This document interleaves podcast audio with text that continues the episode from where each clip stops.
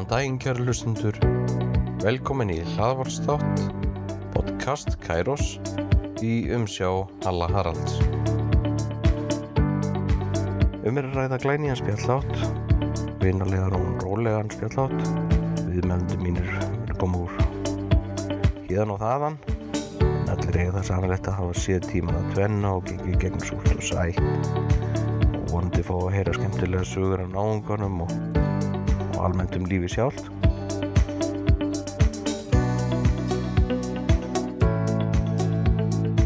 Það er ekki eftir neina að býða, en fyrsti viðmælandi er Babbi. Já, það er minn. Ég vil lengi langa til að taka upp almennlegt viðtal við kallinn. Hann heitir Haraldur Stefánsson, hann er fættið 1937 í Reykjavík, ólst upp í Reykjavík, sumadöl í sveit eins og margir á þeim tíma. Hann ólst upp í kringum herminn í setni heimstyröldinni og þurfti á unga aldrei að sína sjálfstæði og bjarga sér, svo sagt er. En eins og við vitum að þá hefur nú margt reist frá árunum 1937 sem í rauninni er ekki lagu tími. Tæknin upplýsingaflæð og við þar almennings er algjörlega gjör breytt. Við finnst saga pappa eða Harald Stefánssonar áhugaverð mér langaði til þess að eiga þessa sögu hljóðrétt og hann hafði gaman af. En hann hefur stopnað líka heimasíðu sem heitir blacksheep.is þar hefur hann sett inn fjölmerkar myndir og gögn frá sínu ferli og frá sínu lífskeiði hveti ykkur endalega til þess að skoða það á heimasíðu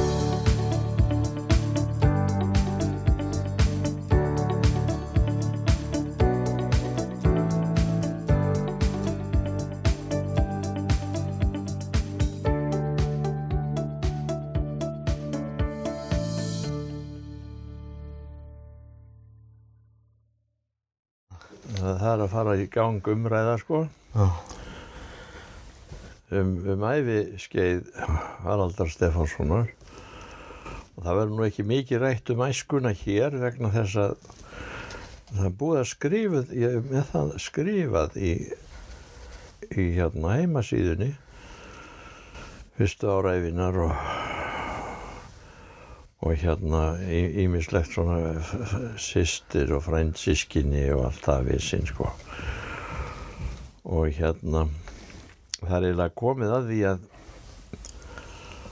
að kom, svona komið til ásins 1955 þegar að voru svolítil kaflaskipti í æfinni þannig að ég var búinn að kynast stúlku þegar ég var yngri 1954, 3, 4, 5 og við vorum trúlóð svo kemur það upp að fóreldrar hennar voru ekkert yfir sér hrifnir að þessu ráðahag hjá henni og, og komið því til leiðar að hún fór til bandaríkjana til systra sinna í New York. Og ég reikna ekkert með að sjá hana meira þið veit hvernig eins og, hvernig eins og það er hjá ungu fólki það er áhrifagjant eftir í hvernig það hittir og svona þannig að það stóð ekki til að við erum neitt meira saman sko.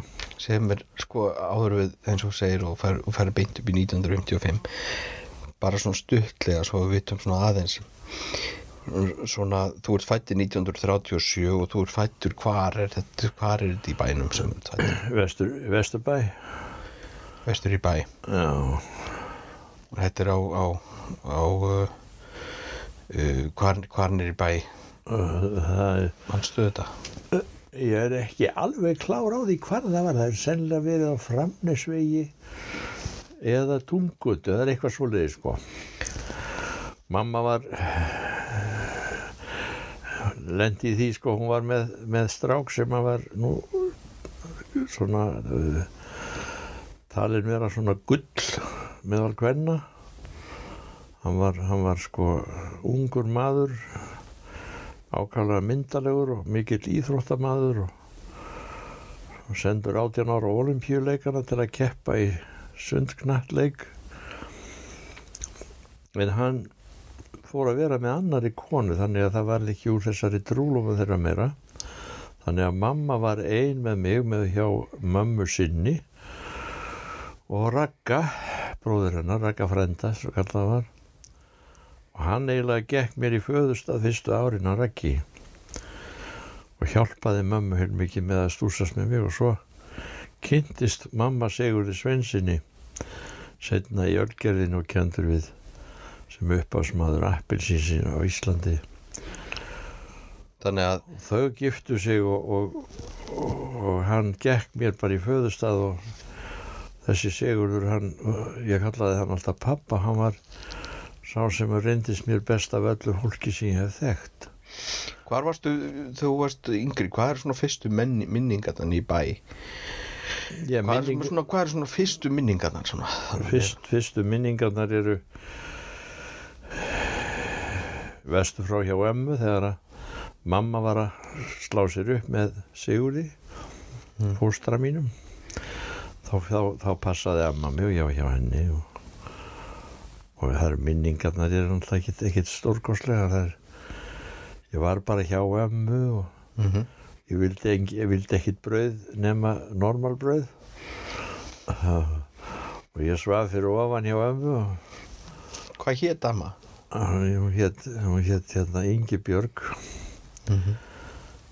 Jónsdóttir Og húsfreyja. Já, hún var, hún var húsmáðir, hún, hún átti tíu börn og hérna þau sískinin öll sömul sko ég, ég er búinn að skrifa það niður, ég nefnir ekki að lesa það Nei, nei, en eru, er Þurri, amma mín sem sagt, mamma þín, hún er rýður Þurriður uh, eins og við kallum að amma best og er hún hérna hún er ein af tíu sískinu þá eða? Já, það voru í raun 11 eitt og Já, ok. Bara held ég fæðingu Og það er allt nýri, þetta er allt fólk sem er svona nýri bæ mest megnis eða var þetta í, í Já, þetta sveit var- eða? Þetta var allt saman í, í sko svo mikill fátækt Mm.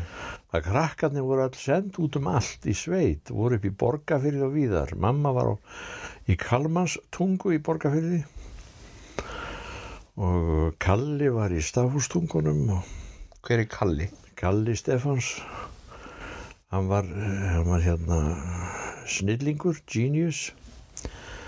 Og skrifaði um hann eitt árið í þjóðvinjanum. Það er eflust að finna greinina. Karl Stefánsson í blikksmíðinni Grettir.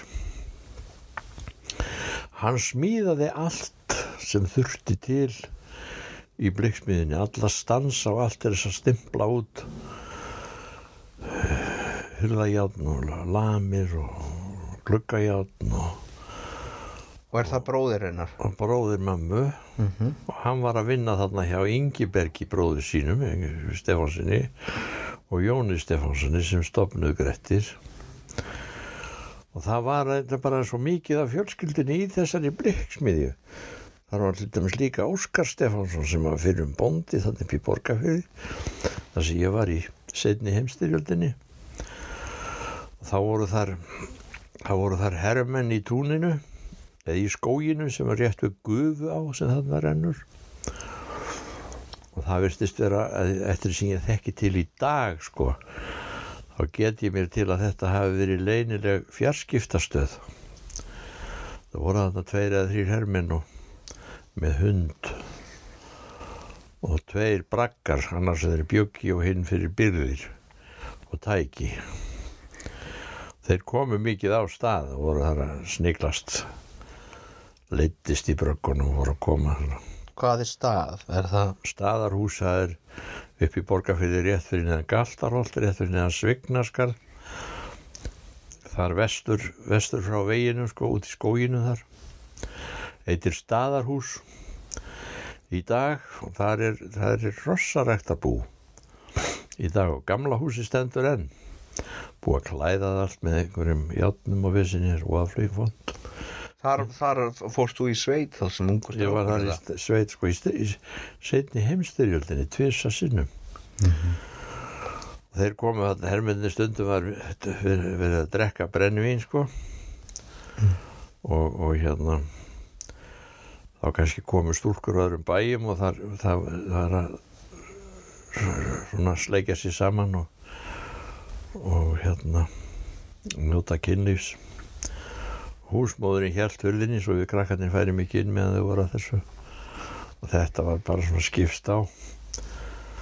Og hérna svo fóru kannarnir sko. Þá skildu þeir allt eftir. Og Óskar var í marga daga að flytja byrðirnar úr byrðabragganum heim á stað. Og hann fyllti kjallaran af mat í dósum og beikonni og svolítið stóttari og það var nú ekki dramag sko og það voru notaðar beikonsíður svona í eldavílina á að fýra vel upp í henni. En það var talað um á stað sko þau áttu sig inn kjallaran það var alveg smekkfullt út úr dyrum sko. Og þe- þetta var svona Þetta var það var þetta var óalega óvanalegt fólk. Það var ekkit eðlilegt við það. Það var allt í, það gekk allt út á, hérna, á brennvín eða svolítið svona og, og kynlíf. Það komið svolítið með, með bretanum, nei með, já, hermennum sem voru að þetta kom með Svonni á Sigg og stað. Sigg og stað, sem var setni í ölgerðinni í djúsinum. Já, alveg rétt, já, já. hún var svona, virtist vera sko uh, hvað, hvað, ég veit ekki hvernig ég var að segja þetta. Það verður fjör í kringum hana.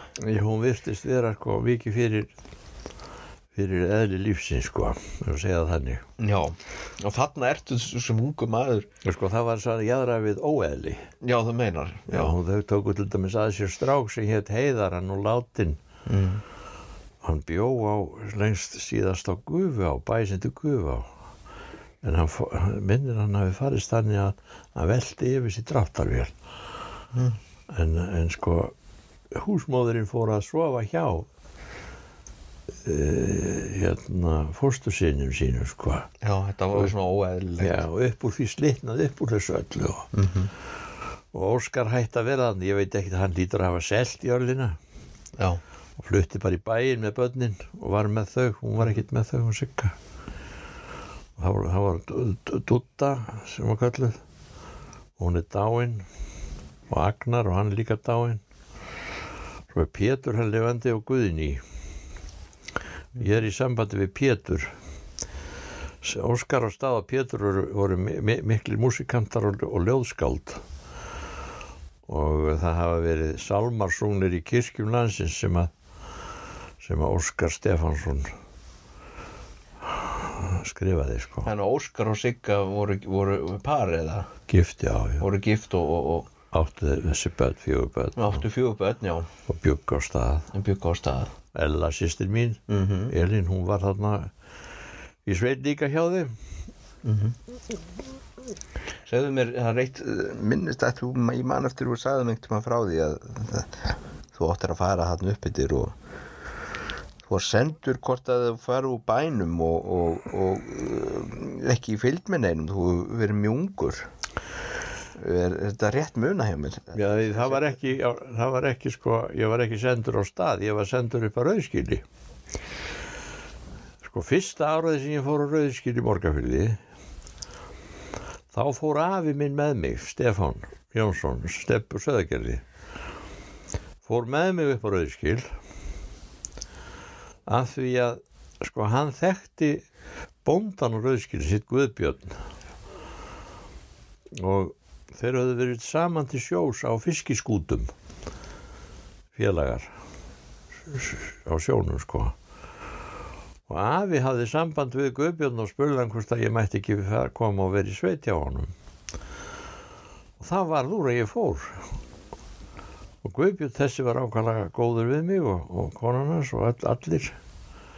Og ég endaði með því að vera þarna þrjú sumur Er þá eftir stað eða, eða eftir stað, já. þetta, er eftir, þetta er eftir stað og þetta er á, á árónum eftir stað þá ferðu hann upp á rauðskili hvernig kemur rauðskil inn í þetta? Hvernig, það getur var að segja það afi minn hann þekkti Guðbjörn sem bjóðar já, já, ok.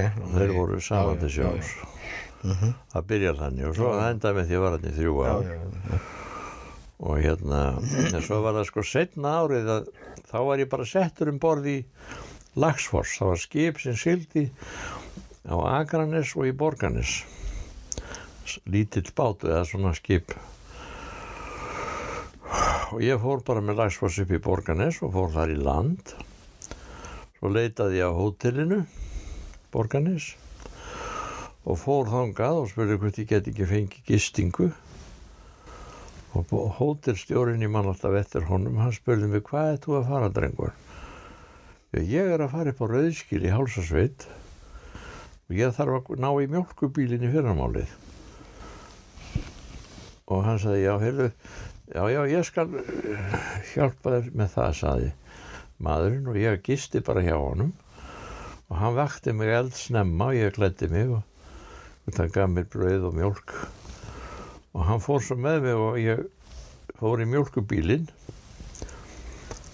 upp á hofstuðum þar tók á móti mér bondi höskuldur sem var landfrægur hestamaður höskuldur á hofstuðum og hann sett undir mig hest sem hann teimdi undir mér yfir Reykjólfsdals á og, og hérna og yfir gilið í rauðskili og þar á þangað og, og svo komum við þar í hlaðið og var ég, það var í fyrri Hvað heldur þú að hafa verið gamal? Ég er hérna 10 og 12 ára. Já. Og svo var ég með, ég var með hérna ennskan brjóssykur í brjóstvasanum. Eitt skipti þarna. Sem ég hafði keift fyrir smáera sem ég átti. Keift hann í búðnir í Östursældi sem hér London. Tópasveslun og ég keifti eitt pakka af brjóssykur sem ég var að möla á á leiðinni svo þegar ég var í hlaðinu á rauðskili þá dætt mér hjá þetta gefa konunni þarna brjósugur og fór í brjóstvasan og var að taka pakkan upp þá segir frúin Steinun Þorstinsdóttir frá húsafelli lítið sér að ég er að taka hennan pakka upp og þá segir hvað er hvað er að sjá þetta? Reykir þú drengur og ég segi ha, nei, nei ég ætlaði bara að gefa þér brjósugur og þetta er að sjá andlit á henni hvað hún skammaði sín helska konan. En, en svo var ég þarna þetta ég man eftir, eftir eitt sumari þá fekk ég kaup. Og það var þannig sko að, að það voru svona född sem búndin hafði átt. Og svona brún með röndum. Og hún tók buksurnar frúinn og saumaði úr þeim stuttbuksur á mig. Þá var maður sko þú veist í lopa sokkum alveg upp alla leggina og smá koti innanundir og það voru sokkabönd sem heldur sokkunum uppi. Og svo var maður bara í, í, í stuttböksum sem þá, sem þá voru kallaðar pilsaböksur og þetta voru það að kaupið fyrir sömarið þessa böksur en ég get sagt þér eina sögu ég, ég var alltaf að veiða í rauðskili það er svolítið spræna svona. Og líka í öðru gili sem var kallað torfgil. Og ég veiti svona smá sílunga á maðk á báðum stöðanum en einu sinni var ég að veiða í híl sem nú er horfin gili rennur öðruvís í dag það rann þá það rann alveg með túnin í gannan dag og þá var við túnið á einu stað var svolítið hílur, stór hílur og ég var aftur að renna í hann maðk Svo ég skipti þegar ég kom undir kvöld og er að renna átni í hilin og tek í, tek í stöngina sem var nú bara hrífuskaft sem að ég sneri þanga til að lína, sko sneri línunni upp á endan og svo tegði ég hrífuskaftið yfir hilin og sneri skaftinu þannig að sakkan og línan fór á kaf með maðkinum niður í hilin sko. og þetta næði alveg sko. En svo bara þegar ég tók í þarna einu sinni þá er bara sé ég svona já metis langan silfur glampa niður í hilnum þá var ég bara að reyfa við laxi sem láð þarna. Já ok. Og ég vissi hvað var og ég fór heim og klætti mig hérna úrpunni í hérna lópapeisu sem ég átti. Og fór ég bara lít sko og fekk smá bytta og saðist alltaf að fara að veiða. Og ég var þarna fram á rauðanótt að renna í hílinn til að reyna að fá ná þessu fiski. En hann let aldrei sjá sig Þú er aldrei náð honum þessum. nei, Hvað er þetta áhatna sem liggurnir eru rauðskilja? já, já, já, þetta er lagsveið á eða? Nei, Nei. það er hún rennur, rennur í Reykjólsdalsána. Mm -hmm. Hvað heitir hún? Reykjá, Reykjadalsá. Já, Reykjadalsá. Reykjadalsá. Og hérna, og það hafa verið einstakar sinnum sett seiði, seiði í gilið Mm og þá hefur komið lags í það. Af því að það, það, ger, það rennur í Reykjadalsána, sko. Og ég man eftir fyrir svona 20 árum síðan þá, þá var ég stattur þarna frá. Mhm. Nei, það var þegar Ragnar sonur mér var þarna í sveit í tvö sumur. Og þá kom þarna lags og lá í hýl þarna rétt við bæinn og hann hefur verið mér sko stein átján pund. Mm. Ægilega stór.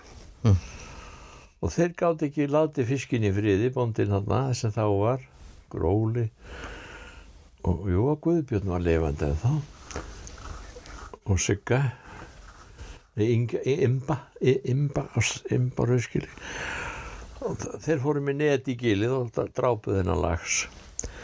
Ég held að þetta hafi verið hrygna, heldur að það hafi verið flott ef hún náða að hrygna maður og fengið hæng með sér. Það er fyllt gilið að lagsi. Þetta er svona tvö ár. Imba, er, var það, hjú, það var uh, húsfræðin. Já, hún giftist manni sem hétt Guðbjörn og var sonur, nei hann hétt Oddur og sonur Guðbjörns og Steinunar. Og hann fór að búa þarna setna og giftist þessari imbu. Og þessi imba var svona sko það sem að mm, var eftir í bænu. Þetta var svona stúlka sem að fáir eða engin sem tilþektu hefðu gist. En e, e, á- áttu eigu ykkur að rætur að reykja hérna nýra á mýrar og einhverstar þar á borganessi. Já, það er, það er sko, það eru ættir þarna í móðurætt á mýrarnar þarna e, á miðhúsum. Veit ekki miðhús? Það getur verið hérna Ég minnir það. lengst niður á hana. Og það var sko veiðifélagjas pappa. Mm. Hétt Pétur Jónsson var rakari lengst af á laugaveginum, neðalega. Rakar upp á gamla tíman, hann gætt rakað. Mm nema það þeir voru veiðifélagar í 10 ára 20, 30, 40 ár og hann var frændi okkar sko, Pétur Pétur Ottisen Jónsson þetta Ottisen nafn er hluti af fjölskyldunni í, í mó- móðurætt. Og þeir voru þarna mýrónum þessi, þetta, þetta fólk Ottisen fólk. Svo var þarna eh, eitthvað skilt okkur þarna upp í upp í Kalmarstungu. Já. En þarna ertu á, á rauðskili, þarna ertu 15 ára, 12, 13, 14, nei, 10, 11, 12 10, 11, 12 ára gamall. Um, og síðan uh, líði tíminn þú uh, mamma og pappa eins og segið Þurri og Siggi þau, þau búa hann í bæ. Á, já, og þú fer aftur þangað og þú gengur í grunnskóla það ekki þarna í ég var, bæ? ég var fyrst í tí, svo kallari tímakenslu sem þá var á gamalli konu á Grettiskötu mann eftir húsinu á svona hotnhús og þar var manni kent að að lesa og svoleiðis ég var nú fljótur að læra það. Mm. og var látin lesa fyrir hinakrakkana þetta verður alltaf verið svona í mín lífi. Ég var óðalega fljótur að læra. Mm. og hérna.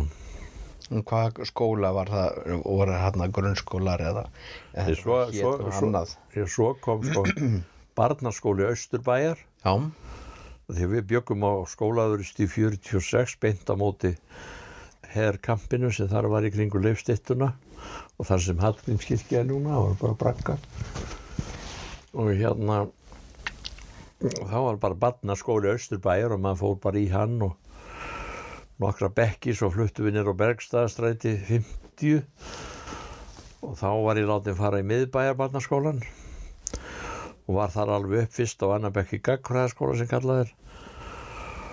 Og svo, svo hérna var ekki þriði og fjóli bekkur voru ekki niður frá í miðbæjabarnaskólan þannig ég var að fara í gagfræðaskóla Östurbæjar og klára gagfræðaprófið sem í dag er kallað stúdenspróf Mhm. og hérna Og þar var svona þín, þín, þín æska svona Já, til, þar- til 15 ára aldurs, 14-15 ára aldurs. Já, þar hitti ég kona mína Erla Ingimarsdóttir frá Laugarási í Laugardal og hérna. Hvar var, mannstu eftir svo, hvar, hvað þau kynnu voru, hvernig, hvernig það átti sér stað? já, það var nú kunstugt sko. Já, ég var ekkert að spá í, í hana neitt sko. Nema það bara við vorum í frímínútum einhver tíman og það var strákur sem að ég var voðalega mikið með vorum mikið saman. Og spila, spila snókir og hann heitir Logi Guðbrandsson er í dag hæstaréttardómari eða var. Og, og hérna eða hæstaréttar lögmaður ja. og við bjög, búum nú í sitt hverju 12 húsin nú með 12 og 14 kirkjulund í dag ég og Logi. Nema það og við Logi erum bara að kjæfta saman í fríminútonum og þá var hann byrjað að vera með stelpu sér Selma, nei hérna Valdís dóttir Vilhjáms í kassageðinni sem var forríkur auðjöfur á Íslandi í þá daga. Og það fór óalega vel á með þeim sko svolítinn tíma. Nema það að Valdís átti vinkonu. Og það, það var Erla konan mín í- sem búin að vera í 63 ár að hérna hún ránglar þarna til Valdísar skilur og er að bara kjæfta við hana og ég tók ekkit eftir henni. Nema það er mér í liti svona eins og oft gera, karlar gera líta oft á fæturnar á hvern fólki og þá sá ég sko voðalega fallegar bomsur á þessum fótleikjum það voru fótleikirnir á verlu mér fannst bomsurnar svo flottar að ég fór að spá frekar í manneskjunar með svona góðan smekk. Og svo var ekkert meira með það sko nema svo var bara svo var bara hérna dansæfing eins og kallað var í galda í skólanum. Eitt kvöldi til 11 eða eitthvað svo sko. En ég var á þeim tíma bara inn að fara á böll. Ég var aðeins eldri hún, tveimur árum eldri sko. Og ég eh, átti vinn sem að átti bróðir sem að þekkti mann sem að var á Tröllafossi og hann var alltaf að smigla hérna alls konar band, amerískum fatnaði og skóm og bindum og fínir í. Og ég hafði smá öra því ég vann í ölgerðinni á og til. Og gætt keift mér svona eitt og annað. Og ég keifti mér allklæðnað með yfirdektum nöppum, ljósan síður jakki svakalegur stærnmaður og dökkabrúnar skó ameríska sem enginn hafði séð áður og, og stælbindi og svona og svo var ég búinn að læra að dansa af vini mínu svona djæf sko. Hann spilaði á píanó spilaði svona skemmtileg lög og ég æði með að dansa heim í stofu hjá honum. Og svo dansuðum við saman ég og hann því hann kunni spórin og svo fór ég í dansskóla hjá Svöfu Svöfu Hansen hún var dóttir Rímor Hansen sem var frægur danskennari þetta var allt í góðtemplarhúsinu nema það að ég var orðin helviti góður í, í, í tjöttubúk. Og menn voru stundum að spurja mig akkur ég tæki ekki þátt í keppnunum með, með Sæma Rock og, og Gulla Bergmann og Blackie og þessum strákum sem voru þekktir í þessu sko. Nema það að ég var svona og dansaði tölvöld mikið á dansæfingunni og svo er mamma þinn þarna. Ekki, svo er Erla mín þarna. Meðal stelpna og, og ég tók eftir því hún var alltaf að lappa fram hjá það sem ég satt og vekja á sér aðtekli svo endaði með því þegar hún var fram hjá ég spurði hana hvort hún vildi dansa. Og þá segir hún loksins upp frá því höfum við verið að dansa og segðu mér hérna, var, vann hún er í bæ í einhver mjölkubúð eða, eða hvernig var það? Já, hún var í mjölkurbúðum hinga og þanga Mm -hmm. Það var mjölkubúð og leifskutu þar sem hún vann. Við afgreða mjölk og rjóma og smjör og skýr svo var hún á frakkastignum. Þegar við lappa niður frakkastíð frá leifstýttu þá var, var, mjölkurbúðin á fyrsta hotni til vinstri. Þetta var hotnið á eða frakkastíg og kárastíg og á þessu, þessu plani voru alltaf fisksalar með handvagna og seldu fisk og, og hérna seldu alls konar tegundir af fiski sko, og maður kifti bara og fekk svo fiskin á, á vír. Þið trættu vír í hausinn og settu svona samavöðluðu dagblaði á vírin svo maður myndi ekki á leiðinu heim.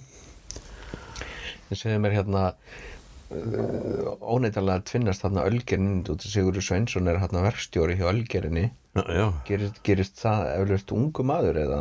Já, já. og þannig að, þannig að þú ert á vappu um bæin hérna með, með, með að afgreða gós eða hvernig, hvernig er það þarna, hvernig er þín þarna í kringum Ölgerina Sigurður Sveinsson fóstri minn það byrjaði þannig með hann að hann er ungur maður og sér Tómas forstjóri Ölgerðarinnar og, og hérna hann langar að fá sér vinnu en hann fer heim til Tómasar strákur og bankar og spyr hann hvort það með ekki þú að bílnans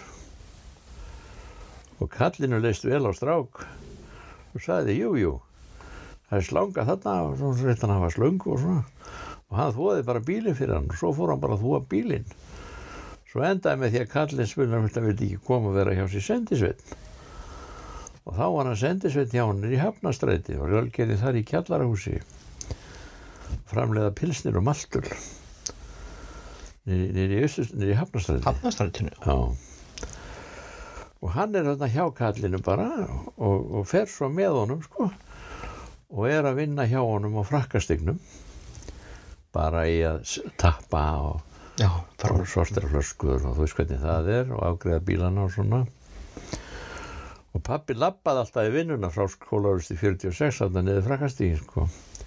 Og ég var ofta að flækjast þarna sko.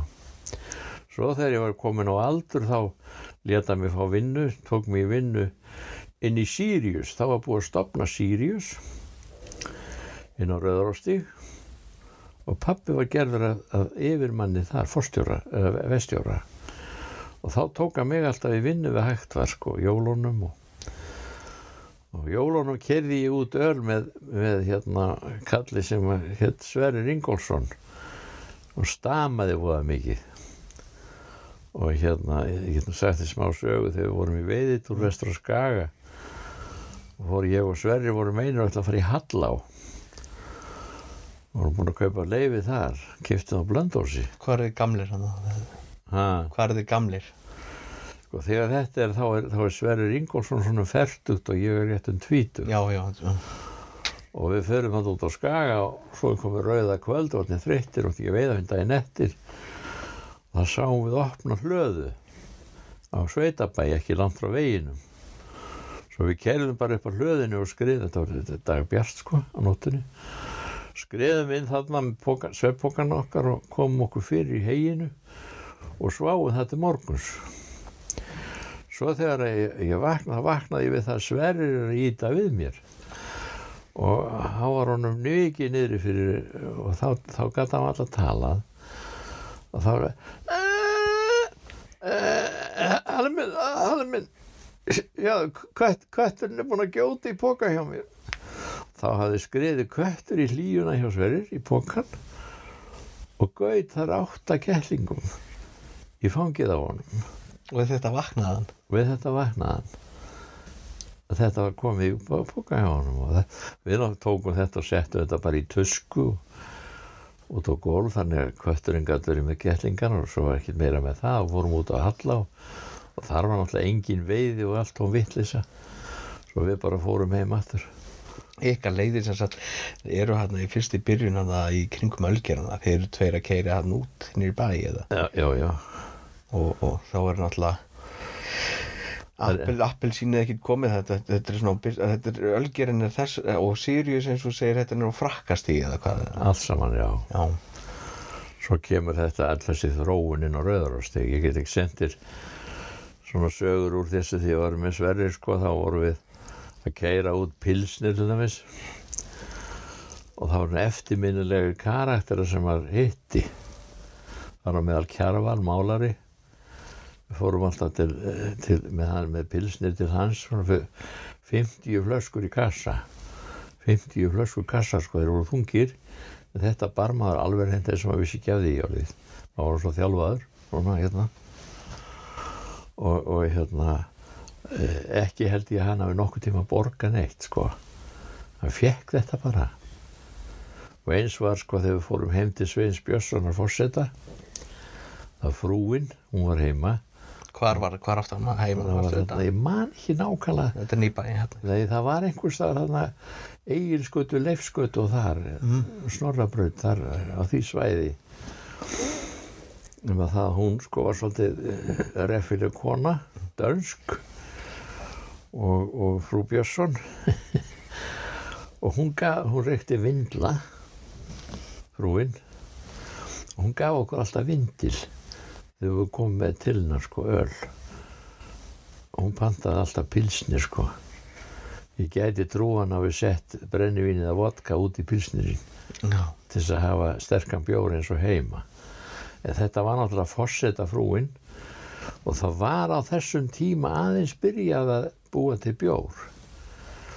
Og hann kallaði Polarbýr og, og hérna hann var bara búinn til fyrir sendiráðinn og stundum tóku millilandaskipin íslenskan bjór til þess að selja um borð og hafa hann áhöfninni Polar Beer og það var náttúrulega til þess að einstaka sinnu var til Polar Beer á Já, Bergstæðsæti 50 Já, já, það sem álst upp, já. og hérna svo eru þeir nokkri þarna drikkjusjúklingar meðal annars að Sjónni sonur Tómasar því og pappi var með þeim en hann var aldrei sjúklingur.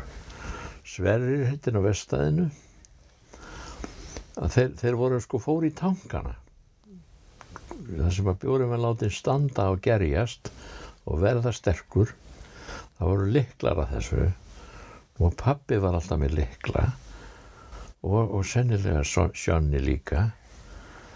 Og, og þeir fóru þarna og, og sátu þarna sumbli sko.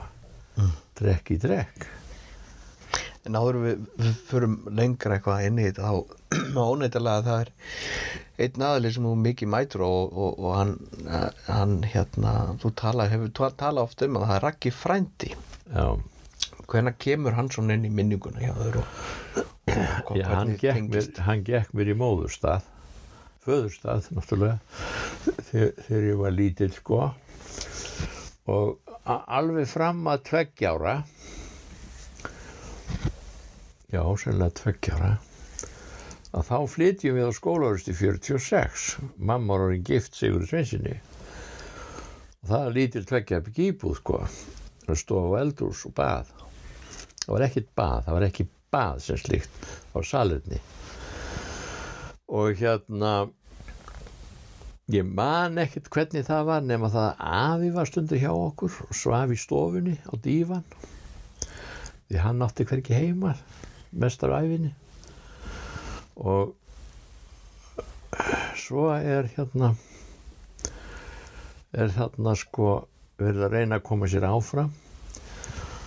Og þá þá hérna fóruðu og keiftu brennivín í áfengisveslunni sko svolítið, 1, 2, 3 kassa. Og settu þetta á bjórflöskur með svona, svona, svona, vatn fyrst. Og smálögga vatn í hverja flösku og, og voru svo með spe, spesial smelta tappa sem að pappi fekk í ölgerðinni sem að voru komið með ellendum flöskum, góðsterkjaflöskum settu þess að tappa á sko. Svo voru menn sem hefðu áhuga fyrir að fá sér í glas sko, sem vissu af þessari möguleika þessu möguleika og þetta spurðist fljótt.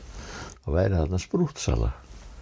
Þannig að þau fóru að selja sprút svolítið svona og það kom alls konar uh, menn heim til okkar til þess sem voru á fyllir í áspjörn Ólafsson Hildsali og Gunnar Salomonsson Kraftajötun og og útgerðamenn og hinn eru aðri svona, lögi gamli og mangi gamli og þetta lið sem ég man eftir.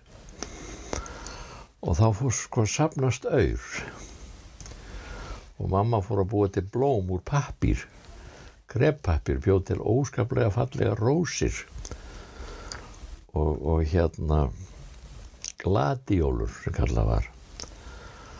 Og ég fór með þetta gekk í hús og bauð þessi blóm til sölu. Seldi svolítið að þessu. Svo fór ég á leigubílastöðvarnar fyrir þau og seldi leigubílstjórnum til að hafa mælabólinu og gera hugulegt hjá sér. Þetta gekk bara vel. Og út úr þessu eignustu smá auður sem þau gáttu borgað út í húsinu, litla húsinu á Bergstæðarstætti 50 svo var þarna kall sem var saltari til sjós og tógara saltarar voru í háum metum. Voru sérstakar aðferðið við salt, söltunina og að raða fiskinum og hann lánaði þeim peninga. Hann átti einhverjar 50-60 þúsund krónur. Gallin sem búið að sapna sér og hann lánaði með einhverjar, þetta voru 40.000 eitthvað svo leiðis til þess að borga út í húsinu. Ég vissi þetta sko, heyrðu þú tala um þetta. Það er ég orðin 10 ára sko. Og þannig gáttu þau eignast Bergstæðstrætti 50 með svona útsjón sem er svo nýr og Bergstæðstrætti helduðu þessum áttum áfram nema ég held að nú ekkert verið með brennivinni þar.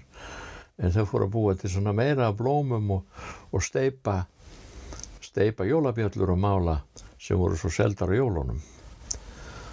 Og svo voru þau alltaf með tjald á 17. júni svölutjald, það var alltaf tjöld. Fólk að fengi útlita tjaldstæði til þess að selja gós og, og, og selgæti og svona. Mamma gerði þetta alltaf. Og hún er svo fyrsta sem bjóð til súkulaði rúsínur á Íslandi eða mínu viti. Hún kefti fullt, fullt af rúsínum og brætti súkulaði og bjóð til súkulaði rúsínur og setti litla glæra boka og seldi þetta í tjaldin það seldist alltaf upp, þetta þótt svo gott og hérna þau útvöðu sér svona, svona egnustu auðra og borguðu borguðu sína skuldir og, Og var Raggi uh, frændi, Og- hvernig er Bíddu. frændi? og, og þarna Mhm. er komið að því að Raggi fara að verða númer sko því að þarna er laust herbergi niðri, kjallaranum. Og Raggi fær það. Raggi frendi og hann er einn af fjölskyldinni svo lengi, þarna er ég 10 ára. Og ég fer sér að kepla flugvill 18 ára 17 ára, 18 ára. Hvernig er Raggi frændi skildur? að bróði mömmu. Já, ok. og hann er þarna í kjallaranum í herbygginu og ég í öðru herbyggi í kjallaranum sem var að lítið smá helvits kompa var alltaf stærri en þetta hérna sem við erum í. Og hérna og Raggi var bara einn af fjölskyldinni og hann borðaði með okkur alltaf og borgaði alltaf. Hann borgaði með alltaf auðra sko bæði fyrir herbergið og matinn. Og þetta bara var svona sko. Og hann reyndist þið vel sem að... Já, já, var góð, já, mjög, mér er mjög góðu maður. Og hérna ég var oft inn í hjá hann var að hlusta á plötur og svona hann átti, svo mikið af plötum. Og hann átti plötu spilarar sko. Og svo gaman að hann á laugadögum þegar hann var duglegur sko, var ekki í því. Að þá var það dundrandi músík sko. Og hann reyf allt út og opið út í port og, og sængin út á snúru og, og hann þreif allt út í hot sko, all, undir allir rúmum og öllu og ræðaði svo öllu upp og svo þessi fína góða lykt í herbyggi sko og þá var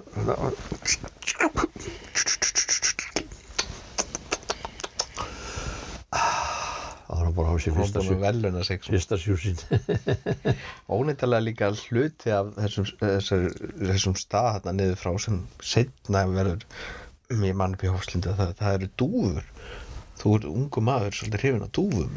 Já, þegar, já, það er eins og náður 11 ára þá var ég farin að vera sinns með dúfum og strákum vinnum mínu sérna voru. Sitt fimbjörn og kallaði Bubbi, við vorum miklu vinir. Og Tommy Tómas Hjaltarsson bróðir Dassa Hjalta sem hann var með Bláfjöllin á sínum tíma ráðamaður þar. Og ég og Bubbi og, og Tommy við vorum með dúfur sko svo vorum við nú að smíða okkur svona kofa úr, trekössum sko, fengum trekassa gefins söguðum gat göt á hann og settum á svona rís. Byggum til smá hólfi sko fyrir dúfur og svo vorum við að veiða dúfur í þetta. Og fórum upp á þök og inn á, inn á, inn á hérna inn á loft þar sem að dúfur höfðu komið sér fyrir og farið í gegnum eitthvað brotingglögga og þá voru það kannski 100, 200, 300 dúfur mann eftir aðstætti 16 var svona loft sem við fórum inn um risglugga ég man eftir ég fór einu sinni þar inn það var allt fullt af dúfum og við fórum bara í kösina í myrkri þá reyfaði sig ekki sko. og uh, þá völdum við bara fallega dúfur fórum með þetta heim og áttum þetta sko. Og svo eftir sem að leiða á þá fórum við nú egnast sko, dúfur sem við fengum hjá dúfna köllum sem voru margir í bænum. Áttu úrvals danskar dúfur. Fengum við það og svo var þetta orðið þannig að pappi Sigurður Sveinsson var nú betur en engin og mikill smiður flinkur. Hann smíðaði hand, okkur kofa sem ég á myndir af. Mm, ég mann þegar, já. En hann klætt hann með, með hérna galvanseruði játni sem að Beggi brúði mömmu í Grettir gaf okkur. Hann gaf mér blikkið á, á kofan og, og stórt smíðaði pappi smíðaði stórt net sko. Svo áttum við þarna tunglinga og nunnur og meffika og ístúfur. Og hérna það var bara ægilega gaman. Svo var bara kom, kom að því að ég fór að hafa meiri áhuga fyrir fyrir hinu kyninu sko setja mig síðahárið og þá voru bara stúlkur með síttár ekki karlar. Og, og hérna og þá mingaði áhugin fyrir dúunum sko. Og það endaði með því að ég gaf Ellu dúfnahúsið, Ellu sýstir og hún hugsaði svolítið um það, svona svolítið tíma. Svo endaði með því að það var bara gefið strákonum sem voru yngri við strákonum hans Begga í Grettir. Sveini og Gigga. Já. þeir, þeir eignast þetta. Þetta er nú svona sagan á mér og sagan á Ragga, Ragga frænda Já, að, að hann er bara þarna og síðan síðan gekk það ekki upp sko, ég var nú með þetta herbyrgi þarna nýri kjallaranum. En var, var fluttur sér á Keflavíkuhlugur færum okkur bara, bara beint þangað. Hvernig, hvernig verður þú svo tilfæsla frá bænum og, og alla leið þarna suður eftir? Sko mínir vegir voru eiginlega mótaðir þannig að ég var orðin bílstjóri 18 ára gamall með stort hverfi í Reykjavík sem ég bara sá um fyrir ölgerðina. Að það væri alltaf allar tegundir nóg af þeim í hverjum stað og, og, og tók tómaflöskurnar sko. Og ég fór bara með rútín alveg í gegnu þetta. Gekk mjög vel, mér gekk mjög vel þó ég segi sjálfur frá því. En svo skellur á verkfall um voru 1955 sem aldrei ætlaði að taka enda. Og ég var þá að læra að fljúa og var komin langlegin eða þegar taka engamun taka hérna sóló sólóflug sko en akkurat þegar að það átt að vera þá uh, hafði ég enga peninga í það því að það var komið verkfall, ég hafði ekkert kaup. Og maður var bara ránglandi um göturnar eins og ég veit ekki hvað. Bara stefnulegs villisingur sko. En það voru þarna á berstafsvættinu við liðin á okkur. Á berstafsvætti 48 og 50 og þá voru bandrækjumenn, borgarar, ekki herrmenn sem voru vinnandi í refstuðinu og kemlaglhulli og mótorstuðinu og svo komu þarna fleiri menn á berstafsvættið að kaupa maðk að pappa, hann seldi alltaf maðk og týndi og við báðir ég týndi maðk fyrir, fyrir hann sko. Nema það að þarna var eitt sem hétt hétt uh, kallaður uh, hann er sérlega heiti Richard kallaður Dick Dick Dole og ég hitt hann bara gangstéttinni fyrir utan og segi við hann can, can you take me out to Keflavík? See if I can get a job. Og maður talaði einhvern veginn svona þannig að ég er búin að læra ennsku strax sko. Uh -huh. og hérna og hann segi, yeah, sure. Og ég fór bara með honum og fór svo að ganga um keflaugulöðal að sjá hvort ég fengi einhverstað að vinnu og ég fór til íslenskra sameinaðra verktaka og hitti þar fyrir góðgerðarmann minn Tryggva Þorfinnsson Brita og Eithor Sigmundsson kokk setna frægur í, í, í Stangveifélag Reykjavíkur mikil dagsviði maður við kunnuðumst við konanann af Bergstæðastrætinu Eithor var þar eldri en ég Rauðhaus. Nema það Eithor sér mig það síðan að tala við Tryggva. Og svo þegar Tryggvi mér eitthvað að býða eitthvað svona og kemur hann aftur. Segir, heyrðu þú, kontu bara í fyrramálið og þú verður hérna í salnu hjá mér. Sérðum að sópa salin og, verður við dittnar þegar að kallandir kom í mat og, og tjekkar hjá þeim skilríkin ok, segi ég og, og þú verður þar herbyggi hérna og þessi fyrir sínir er herbyggi sem ég átt að sofi sko. Og ég bara fór þangað í þetta herbyggi og svo fór ég bara að sofa um kvöldið og morgunni fór ég að vinna í salnu hjá Tryggva. Ég er alveg vissum að Eithór hefur stungið á hann um að hann þekkti mig. Þess vegna hafi ég fengið þetta. Svo var ég bara að sópa þarna og gerði það. Vinnu stóra breyða gústa sópa þarna og fullt af köllur sem komi við erum með, við erum með svona lem á brjóstinu sem er svona tveggjatómi þvermál og þar var myndaði mér í þessu, þessu, þessari blötu og eftir litnum var það hvort þér átt að borga eða ekki sko. og ég sá um það. Og svo var nú búin að líða þarna vika tíu dagar sem var þarna og þetta var við dittnar það var oft sem að menn stoppuðu við dittnar sko og voru að fara út og voru að kæfta saman. Og ég heyri að eitt segir sem ég man alveg eftir í dag við annan sem voru að tala við það er vist laus staða hjá hernum á sjúkrabílum. Þessi nokkur séns að fara í það. Ég fór út úr húsinu þarna því heyrði þetta og beinti ráðningastjóra hersins sem var frá Siglufjörn þessi kall, ég menn ekki hvað hann heitir. Maður var þelst að vera Siglfjörningu til að fá vinnu.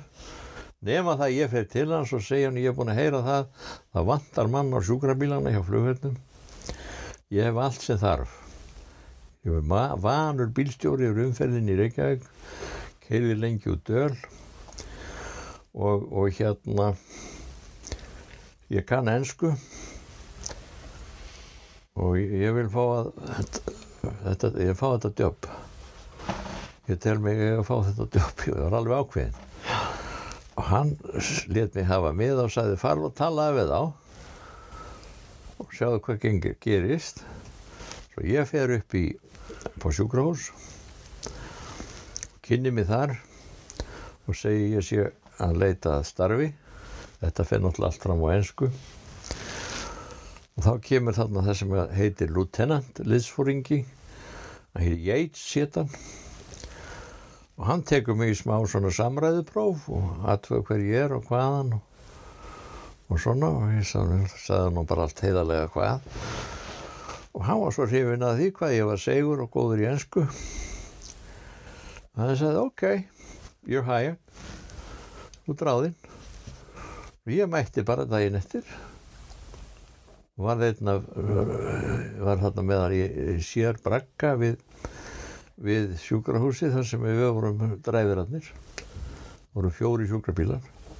Einn neyðar krassbíl fyrir flugvílar og við vorum þarna bara að kæfta saman og svo vorum við stundum lotnir fara með til dæmis tauið taka allt óhrinatögið að fara með það upp í Londri og komið hreint tilbaka stundum vorum við lotnir keira kokkin, það var sér mötuneyti fyrir sjúkrahúsið. Átti að keira kokkin upp í byrðagemslur að sækja sækja hérna mat þurrmat, dósamat. Svo var farið í mechanical cow vélkúna. Þar var framleitt mjölk úr mjölkur dufti og þetta var rosalega góð mjölk kókomjólk og venjuleg mjólk. Það var svolítið gaman að því að maðurinn sem þarna var yfir Mechanical Cow, hann var með einn íslendingi vinnu, en setna var tannlæknir í bænum og hann fekk alltaf borgað í grænum dollurum að því hann var í vinnu hjá, hjá mjölkur fyrirtækinu skráður í vinnu í bandaríkjónum og hérna og það var svolítið gaman að því að, ég, að maðurinn sem rak Mechanical Cow hann var, viss ég allavega hann var í, í Central Intelligence Agency uh, útsendari CIA starfsmæður og, og þetta var svona sko. Ég kynntist þarna góðum strákum og, sem voru mér Þetta er 1950 til 55 eða 50 Þetta, nei, þetta, þetta er 50, 60 1950 Þetta er og fimm. 50 Þetta er 1955 Já, sem þetta er. Svo kemur að því eins og oftir og ég er búin að upplifa alla mín æfi að það er einhver peningar. Þá er skera niður. Og það er á meðal í sjúkrahúsinu.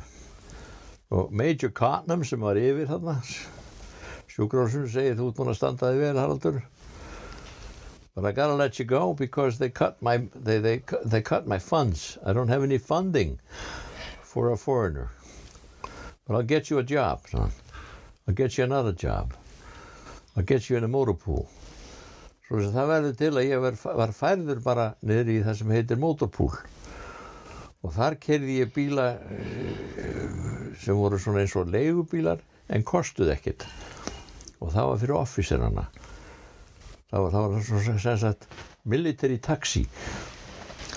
Og þar á meðal flutti ég flughafnir mikið upp á flugstöð út í flugvilarnar og þá gæti ég látið þá þegar ég keði þá í áfengisveslunina hjá hernum til að skal kaupa áfengi. Þeir fengu þetta fyrir nánast ekki neitt.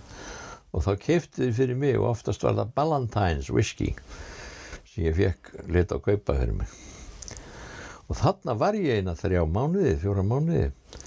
Nema þá var hringt í mig úr starfsmannahaldinu. Að maður sem hétt hérna Dungal, hann var Dungal. Og annar hétt Andris nema það þeir voru þarna vinnandi og ég var búinn að vera að reyna að fá vinnu í slökkuliðinu því að þið séð hvað strákarnir höfðu það gott. Þeir voru einni fjórir eða fimm þarna. Íslendingar já, Íslendingar og voru mest að þvó bílana sína þarna fyrir utan þegar ég fór hjá þarna ég var mikið að keira þarna um allt sko sem sjúkrabílstjóri. Nema það að þá ringir Dungal og segir veistu það Halli að þú getur kannski fengið jobb þarna upp í slökkustöð ef þeir vilja þig? Því það er verið að ráða tíu Íslendinga. Bingo. Þú voru að koma við og fá bevís til þess að fara með til slökkustjórans og sjá ég kem bara eins og skot og fekk leifi til að fara upp yttir sæki pappirinn og keiri þarna upp á slökkustöðinni sem allt voru bara litlir brakkar og veist bara boga brakkar eins og var í hernum. Og fer þar inn um endan sem er næst gödunni fyrir að opna hurðin og fer inn. Þá standa þar tveir menn og rúm begja megin svona, í, í bragganum. Og þeir eru að tala sama þessi menn og ég heyri það strax að annar þeir að reyna að útskýra fyrir hinnum hvar sendir á bandaríkjana er í Reykjavík. Og það gengur nú að ymsu hjá þeim það vil ekki skiljast hjá öðru þeirra. Og svo ég grýp fram í fyrir þessum manni sem er að útskýra hvar sendir á þessi og tala við hann bara á einsku maybe I can help. I live right by the embassy. I'll tell you how to get there og síðan útskýrði ég það fyrir þeim sem átt að fara hann var hóðalega þakkláttur og hann bara opnaðist fyrir honum alveg hvernig þetta var. Svo er þetta búið þetta samtal okkar og hinn hlustar alltaf á. Svo, er, svo er, segir er ekkert svona, ég bara stend svona og þeir og svo segir hann hirðu hvað get ég gert fyrir þig? Og þá segir ég ég var nú sendur hérna með þetta blað og þetta hitta slökkstjóran og, og uh, upp á það að kannski að fá vinnu í slökkuliðinu og hann sá, segir þessi já, láttu mig sjá með hann já, já já, já Já, I'm the fire chief. Þú ert ráðinn. og þetta er, þetta er útlendingur, þetta er ekki Ísland Þetta er Amerikanar. þetta er þetta var, þessi maður hétt Fanslan og fire chief. Mm.